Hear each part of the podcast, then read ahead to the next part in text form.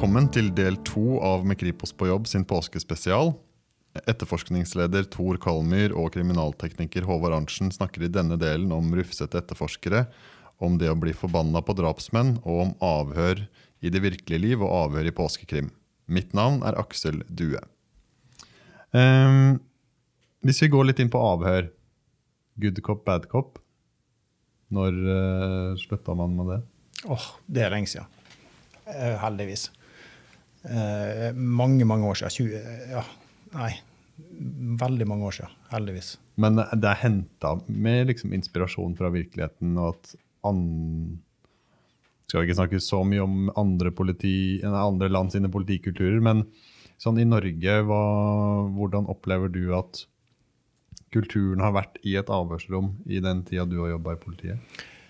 Nå har jeg jobba i politiet i 25 år, um, og jeg kan si jeg har opplevd at, at uh, avhørsfaget har utvikla seg stort. Og det har vært en av hoveddriverne for etterforskningsfaget òg, uh, eh, på en veldig god måte. Så man gjorde det nok veldig forskjellig tidligere, uh, og så varierte det nok mer. sånn fra tjenestested til tjenestested hvordan ting ble gjort. Så eh, Man har jo hørt beskrivelser om både good cop, bad cop. Eh, og jeg tror ikke vi skal underslå at det har vi helt sikkert gjort i, i Norge også, og en del andre eh, teknikker. Manipulerende teknikker og i det hele tatt. Så, og det er jo dokumentert også i, i forbindelse med utvikling av avhørsfaget. men jeg, jeg, har aldri sjøl vært en del av en sånn uh, kultur der jeg har uh, jobba. Vi har hele tida uh, prøvd å snakke ordentlig med folk. Um, og vi har jo aldri i norsk politi hatt lov til å lure folk. Det, har man jo f.eks. i USA. Det, er jo en realitet. Det som man viser på film, at man kan påstå altså Politimannen påstår at man har bevis for et eller annet, som man i realiteten ikke har. Eh, men, og det kan de gjøre. da.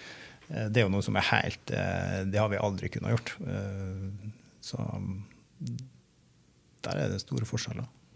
Men hva opplever du er de største forskjellene mellom eh, avhørssituasjoner sånn som de er beskrevet i en typisk påskekrim, da, og hvordan du opplever det i virkeligheten? Ja, det, det, går nok uh, mye kjappere på påskekrim. Avhørene tar mye lengre tid hos oss. Og det er mye mer kjedelige ting som skjer i forhold til dokumentering og rapportskriving uh, og sånn. Så det gjøres mye mer grundig uh, jevnt over hos oss når det gjelder avhør. Men så skal jeg legge til at der òg at eh, vi, vi, kunne nok i noen tilfeller òg ha henta litt inspirasjon fra gode eh, påskekrimmer, tilbake til engelske f.eks., der man er mer målretta i, i, i, avhør.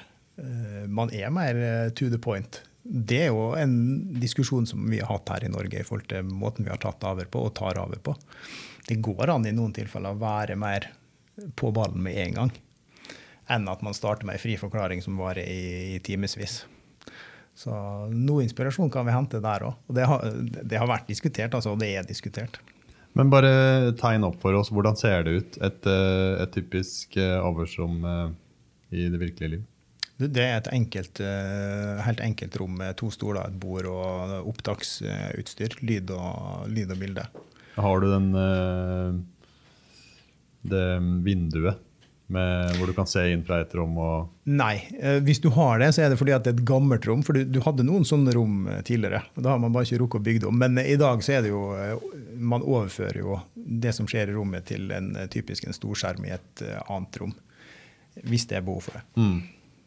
Men sånn stemninga i rommet, da, er det noe som kjennetegner den i alvorlige saker hvor man har en mistenkt som man ønsker å avhøre? Ja det, ja, det vil det være. I hvert fall Nå får jeg snakke for de avhørene jeg har, og de drapsmenn og -kvinner jeg har avhørt sjøl. Man føler jo på det, for man har et veldig stort ansvar da som politiavhører, at, at, man skal gjøre ting på en ordentlig måte. For det første har man jo alltid en forsvarer der, eh, selvfølgelig, som skal sørge for at ting eh, Eller eh, se til at jeg gjør ting på en riktig måte. Så men det er jo stor, altså hva skal man si, det er alvorlige ting som skal, skal tas opp. Da. Man retter jo i et typisk et, et mistenkt sikteavhør, så presenterer man jo en mistanke for en person. man presenterer en mistanke om at du har drept denne personen. Da og da. Sånn og sånn.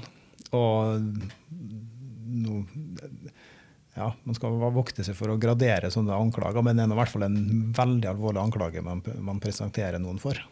Så da syns jeg både man skal føle på ansvaret og ta ansvaret. I, i um, påskekrim så kan det jo være veldig sånn et tydelig uh, Etterforskeren har med seg sterke følelser inn og kan liksom regelrett være forbanna på vedkommende ja. som har gjort det. Kjenner du deg igjen i den?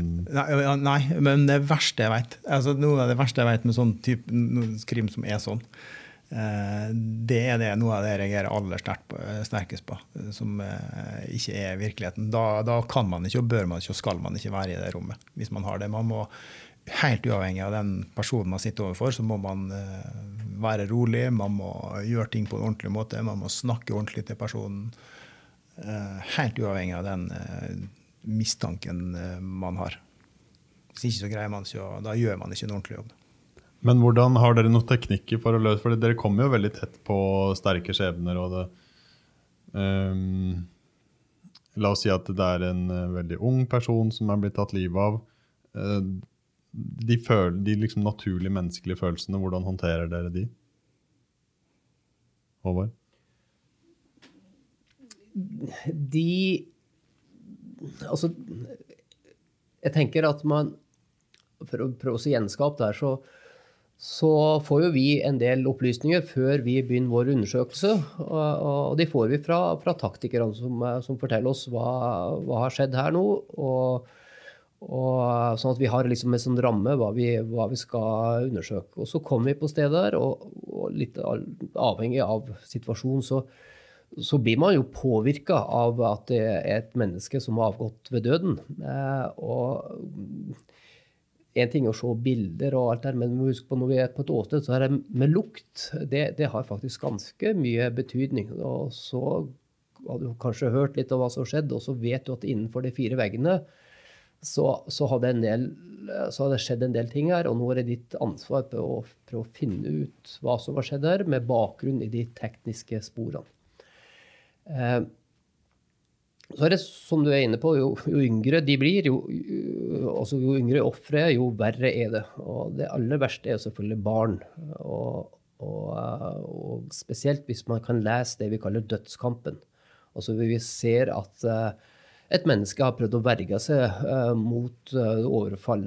Og å lese en sånn dødskamp, den, det, det, tror jeg er noe av det tøffeste vi kan oppleve, vi som er kriminalteknikere ute på et åsted. Men jeg, jeg vil ikke bytte jobb med, med Tor, som har, skal ta vare på de pårørende. Det tror jeg er like belastende for en, for en etterforsker å ha pårørendekontakt. Vi, vi jobber med de, de, døde. De er helt eh, stille, og vi har god tid. Vi skal bare huske på å sikre de rette sporene. Mm, og vi bruker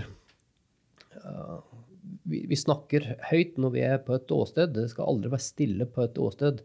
Det handler litt om eh, kvalitetskontrollen som vi gjør, at vi skal tenke høyt om, eh, om hva, hva, vi ser og hvordan vi gjør ting.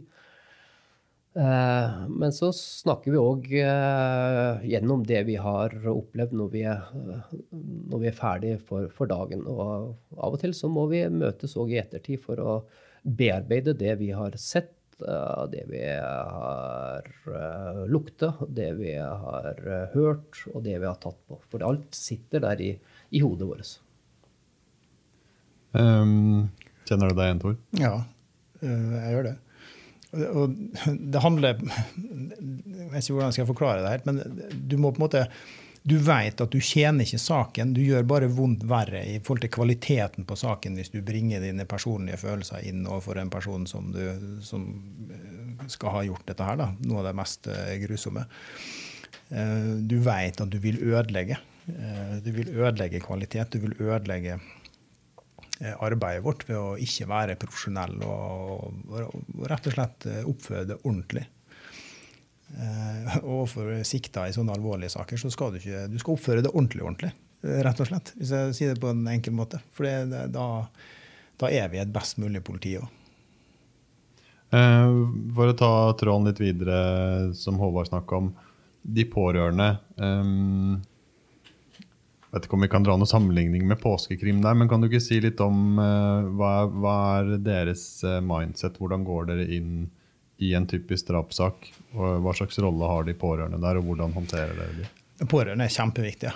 Um, de er de er jo de aller mest berørte uh, ved siden av offeret. Og, og, de lurer jo på akkurat de samme tingene som vi gjør. Uh, de søker jo svar på akkurat samme spørsmål som etterforskninga skal finne svar på. Så å ivareta dem på best mulig måte, det, det er kjempeviktig for oss. Og så er helt avhengig av den konkrete situasjonen. Men vi setter jo på spesielle folk som skal ha eh, kontakt med dem, følge dem opp. Gi dem informasjon når vi kan dele informasjon hvis vi deler informasjon, så skal de være de første som får den informasjonen. Eh, typisk å gå ut med informasjon til media, f.eks. Det skal vi jo aldri gjøre før vi har orientert de pårørende. sånn praktisk sett. Så, men det er, som hun var inne på, det kan være veldig utfordrende å ivareta den situasjonen. Og så må man skynde seg å legge til at vår belastning er jo ingenting i forhold til det de sjøl står i. Det må vi ikke glemme. Så, men det er krevende å følge dem opp. Så man må kjøre på noen prinsipp der som, som er viktig å ivareta. Og for vår del i etterforskningsledelsen å ivareta dem som har en pårørendekontaktfunksjon, det er jo viktig. For de kan få ja, stå i store belastninger over nokså lang tid. Og i mange drapssaker så er det jo kan jo pårørende være gjerne sånn mistenkt og få status som sikta etter hvert. Eh, hvordan Ja, det, det, kan de jo. Og jeg håper å si eh, våre drap, eller norske drap, der er det jo Vi har jo en stor andel drap som er begått av nærstående, eh, om det er familie eller bekjente. I hvert fall. Vi har ikke så stor andel av disse rene gangsterdrapene. Så vi er ofte i noen sånne situasjoner, og da må man turnere det òg. Ehm, ehm, og det er av og til Jeg har vært i noen sånne situasjoner, og det er av og til litt Hva skal jeg si? Det, det er ikke så stor forskjell, da. Fordi at uh, du må ivareta den uh, mistenkt sikta. Sier en person som går fra å være en nærstående og en pårørende, og da i utgangspunktet kun et vitne, men så viser jo etterforskninga at denne personen kan være en gjerningsperson. Så, så skal man ivareta den personen også. Så det, det, er ikke, det høres kanskje litt rart ut, men det er ikke så stor forskjell heller. Og så er det også sånn at um, en mistenkt sikta har jo òg pårørende, som òg uh, blir sterkt berørt. Uh, og som man òg må ivareta. Uh, der kan man selvfølgelig spille en del på forsvarer og på andre, men det er jo en viktig oppgave for oss. Um, det, I i, i påskekrim så, kan, så, er jo ofte motivet veldig sånn klink tydelig lyser opp i virkeligheten. Hvordan er din opplevelse med motiv eh, bak drapssaker? Oh, ja, det er Det der er et godt spørsmål, fordi at uh, Helt enig. Jeg ser på påskekrim sånn, ofte veldig sånn innlysende. Og veldig fokus på å finne motivet. Eh, og der vil jeg påstå at nesten vi er litt motsatt. Eh, Selvfølgelig kan motivet og en spesiell situasjon gi oss viktige utgangspunkt, og sånn, men det vi fokuserer på, det er hvor og når har det skjedd. Hvem og på, og på, altså hvor. For det sier noe om hvem har vært der, og hvem har hatt muligheten til å gjøre det. sånn rent fysisk. Det er det vi først og fremst fokuserer på. Så motiv kan nok komme litt sånn, syns jeg, litt uti et sted, før vi begynner å fokusere for mye på det. Um, og så har jeg òg opplevd at vi i pluss-minus våre normale hoder i, i drapssaker skal begynne å tenke ut og lure på ulike motiv, så har da i hvert fall jeg opplevd mange ganger at eh, når vi til slutt, hvis vi til slutt får et svar på det, eller i nærheten av et svar på det, så er det noe greier som eh, jeg aldri kunne ha tenkt meg på forhånd. At en person reiste seg litt for fort opp og tok et glass ut av kjøkkenskapet Eh, liksom, Helt reelt. Det var det som gjorde at nå er det slutt. Og så ble han slått spent i hjel. Du, du, kommer ikke på det sånn i utgangspunktet, tror jeg, eh, som et motiv. Så, ja. Men for kriminalteknikken sin eh, del, motiv er det helt underordnet, eller har du med deg det når du sitter på alle fire og børster? Nei, men altså vi, vi leter jo etter spor som kan uh, avdekke et motiv. Uh, uh, ja, en ikke helt ukjent sak på Orderud hvor det var et testament som var forfalska med underskrift. Det, det, det, kan være et sånt eksempel. Men så er det jo et tett kontakt mellom taktiker og tekniker. Sånn at eh, det, er, det kan ligge spor der som eh, for oss som er ute på åsted, vi oppfatter ikke det et spor, men fordi at Thor og hans folk har opplysninger om at det ligger ting der, om det er papirer eller hva det nå er, så ber de om at vi sikrer det og, og gjør en undersøkelse på det. Eller at vi gjør det sånn at nå er vi ferdig med den kriminaltekniske undersøkelsen. Nå eh, sender Tor to taktisk, taktiske etterforskere som går gjennom alt av papirer. Vi har utrolig mye papirer i, i et hus, og det, det, kan ligge ting der som, som kan fortelle oss litt om eh, hva er motivet bak her. Og så er det faktisk sånn, jeg kom på det at eh, altså, Utviklinga av si, det digitale samfunn eh, har jo gitt oss mye større muligheter til å i hvert fall finne aktuelle motiv. For det er klart at på digitale enheter som telefoner og, og datamaskiner sånn, så finner man jo eh, typisk søkehistorikk, eller hva vedkommende har jobba med eller sett på. eller i det hele tatt.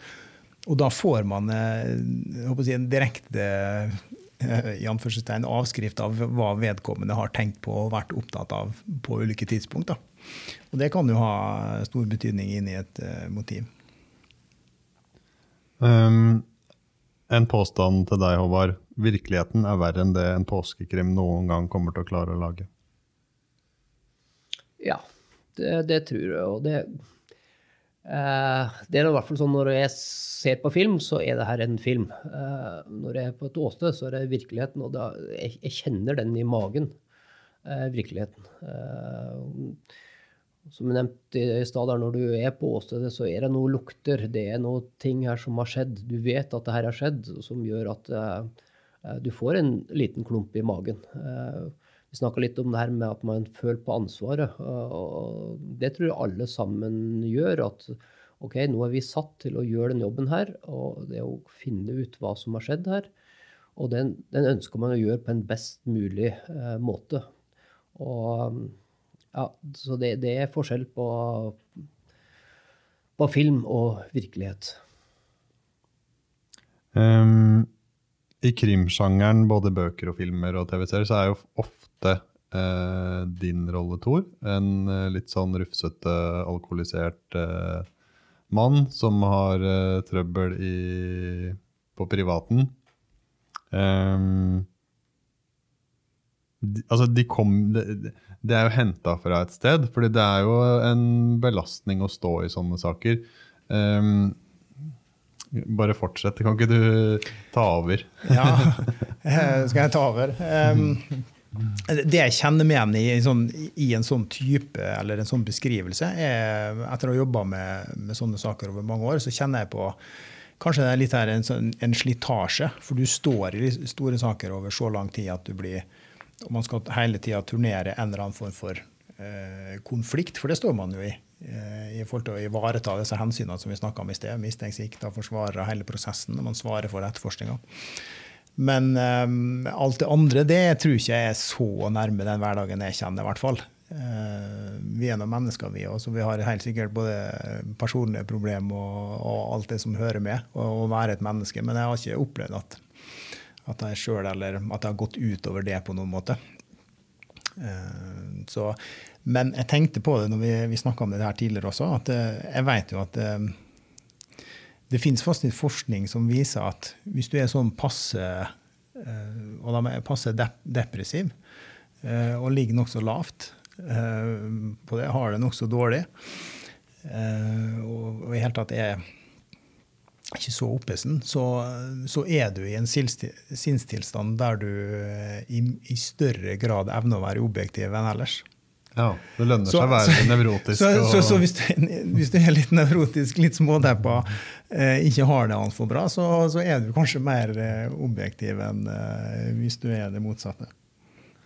Uh, hvor, uh, hvordan opplever du, Håvard, at politiet ivaretar uh, kriminalteknikere, etterforskere som Thor i sånne saker? Altså, Er vi flinke nok til det? Jeg tror det, det, er ganske stor forskjell fra politidistrikt til politidistrikt. Jeg tror at Kripos uh, har vært det beste på det her, fordi at uh, vi har vært gjennom en del store hendelser gjennom tidene. Uh, altså nå er jeg tilbake til Scandinavian Star og, og, og um, sånne store saker. Men da har Kripos bygd opp en kompetanse på å ta vare på, uh, på sine medarbeidere, og at medarbeiderne tar vare på seg sjøl. Og at vi òg har et uh, profesjonelt uh, team bak oss som kan være med og gi oss råd. og der har jo vi en avtale med Moment i, i dag som som et firma som skal liksom prøve å hjelpe oss til å sette litt ord på det her, og liksom finne ut hva, hva er normalt og hva er ikke normalt. Og, eh, og, vi er veldig forskjellige. Men jeg er helt klar på det etter snart i 35 år, at eh, vi er våre egne beste psykologer. Eh, vi som har vært på samme sted og opplevd det samme, hørt det samme, tatt på det samme, lukta på det samme. Det er vi som kan hjelpe hverandre. Hvordan foregår en sånn, eh, en sånn runde? Nei, det som er helt vanlig, da, det, det, er jo at hvis vi er ute på et oppdrag, så etter at oppdraget er, ferdig, og det, det, det være seg om du drar tilbake til hotellrommet, eh, eller om du kjører inn til Kripos fordi at du er ferdig med oppdraget, så skal man ha en, en debrief, altså en, en, samtale om hva er det man eh, Først det faglige, eh, altså at man er omforent. Eh, de og de beslagene eh, har vi, det skal vi gå videre med. Det må vi gjøre i morgen. Vi har noen arbeidsoppgaver. Vi skal diskutere med Tor og hans folk. Så Det er den faglige biten, men i tillegg så er det den HMS-bil-biten. Og Da er det kjempeviktig at vi som eldst i, i, i faget tør å ta den eh, invitasjonen til til eh, den samtalen. Med at jeg forteller om eh, at i dag syntes det var veldig tungt å se på vedkommende som lå der, fordi at jeg så eh, bildet som sto på nattbordet. Og en gang så var det her en lykkelig familie, men den familien er ikke der lenger. Sånne ting det må man tørre å sette, sette ord på. Og vi som er holdt på med det her en stund, vi må være foregangsfolk på det her, sånn at de yngre uh, blir med. Og, og, får fram at man lufter uh, tankene sine. Ofte er det bare veldig godt å snakke om det, og, og, og kanskje må man ta det opp litt i, i ettertid. Og vi gir uh, tilbud om å ha en samtale med en psykolog i, fra moment. Og jeg tror det, det er viktig. Kanskje du ikke har behov for det i dag, men det her skal med å forberede, for du vet aldri hva fremtiden vil bringe. Det ser du ser på klokka, Tor. Vi er snart ferdig. Eller det er greit? Nei, det, bare, det går helt Ja, så bra. Eh, du som arbeidsleder, som, eh, som leder etterforskninga, hva, slags, hva slags ansvar kjenner du på, på å, å, følge opp de ansatte? Som Håvard sier, det kommer litt an på hvor du er og, og, hvilken sak du står i. Men jeg har jo opplevd å, å vært med på saker der vi har, hva skal si, vi har kjørt kriminalteknikerne for, eksempel, eh, for hardt. Eh, det er for store åsted. Eh, vi er for få folk. De har tatt for det første ett eller flere åsted der ting har skjedd. Går rett derfra, nesten uten søvn, til, i bilen og kjører til Det er jo typisk enten Oslo, Bergen, der obduksjoner ble foretatt. Uten pauser. De jobber flere døgn i strekk. Eh, det har jeg vært med på, faktisk. Og det, da har det gått litt over uh, stokk og stein. Um, så man føler på det ansvaret at man må, man må, tørre å si at vet du hva, nå må vi bare si stopp. Nå er det pause her. Nå må folk både sove og spise og i det hele tatt. Så det, det, det der er ikke lett. Altså, for man vil alltid ha begrensa ressurs. Eh, og så ønsker man å få gjort eh, mest mulig så fort som mulig. Men det som er like viktig, det, det er at eh, du må stoppe folk, for at de vil så gjerne sjøl. For det, det, er jo uten tvil, du, du, er, du, jobber på adrenalin. Du vil så gjerne. Eh, og jeg har, fått, jeg har opplevd at jeg har satt folk på bakken at nå må dere ha søvn, og, og nå må dere spise. Men de, de vil ikke, for de, de, vil, de vil videre med saken. De, de vil følge de sporene. De vil være med på obduksjon. Men der må både jeg og Tor, som sitter i de stillingene som vi har, vi må, vi må ivareta det. For vi vet at hvis du får en smell, så kommer ikke smellen der og da. Den kommer kanskje uka etterpå, eller 14 dager om tre uker. Helt avslutningsvis, eh, bare sånn Kripos sin rolle. Den tok vi jo ikke i starten, men eh, hva er det i en, eh, i en drapssak?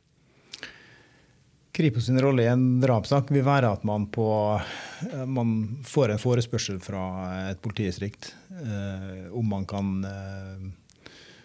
bistå og levere etterforskningsstøtte i en eller annen form i forhold til de ressursene og, og den kompetansen de, de sjøl har. Eh, sånn at vi bistår på ulike måter, alt fra med etterforskningsledelse, avhør, eh, kriminalteknikk, eh, andre tekniske undersøkelser, digitale spor. Kripos har et veldig stort, eh, sammensatt eh, spisskompetanse på veldig mange felt som kan eh, man kan ha behov for, eh, og som politidistriktene ikke sjøl har. Alt av hvilken type sak det er. Vi har en stor verktøykasse, men det som er skjedd litt over, over, over, tid, så føler jeg at eh, tidligere så var det sånn at eh, det skjedde et drap. Og politidistriktet ba om taktisk og teknisk bistand, og vi reiste ut i lag fra Kripos. Det er ikke så ofte det skjer i dag. Nå kan det bli sånn at uh, det kommer først en anmodning til kriminalteknisk, og så kommer det kanskje i ettertid til eh, sånn, Og de ber om bistand fra taktisk etterforskning. Eller omvendt. Eh, så det har blitt litt færre av de sakene hvor vi, hvor vi reiste ut som et team fra Kripos. Eh, kontra nå, nå reiser vi mer med sånn spisskompetanse, og så kobler vi på etterpå. Det har skjedd en utvikling eh, innenfor det. Sånn som vi har vært inne på, litt inne på, den Fagutviklinga innenfor etterforskning går jo hele tida sånn at eh, det som er dagens spisskompetanse, morgendagens eh, generalistkompetanse, slik at man flytter kompetansen litt gradvis. Og det har jo skjedd. Typisk både på avhør og etterforskningsledelse og på kriminalteknikk, vil jeg si. Så, men det er klart at én ting er kompetansen man har. Så kommer det andre viktige ting inn som Eh, vi har jo ikke så mange drap i Norge, eh, heldigvis. Og da eh, er det jo det med erfaring vel så viktig som, som den kompetansen man har. Mm. Alltid vært sånn i politiet i Norge, vil jeg påstå. At nesten samme hvor man kommer, så, så, man, så holder man et godt faglig nivå. Veldig mange flinke folk. Og det ligger jo hele utdannelsen vår, at vi har den politiutdanninga vi har. Så der det, synes jeg der det, det forskjellene ligger jo i, i, det her med hvilke saker har man erfaring med. Det er hovedforskjellen, syns jeg. Bra. Tusen takk skal dere ha for at dere satte av tid. Ønsker dere to, Politi-Norge og resten av landet en riktig god påske. Du har hørt en episode av podkasten med Kripos på jobb. Denne podkasten produseres av kommunikasjonsstaben i Kripos. Mitt navn er Aksel Due.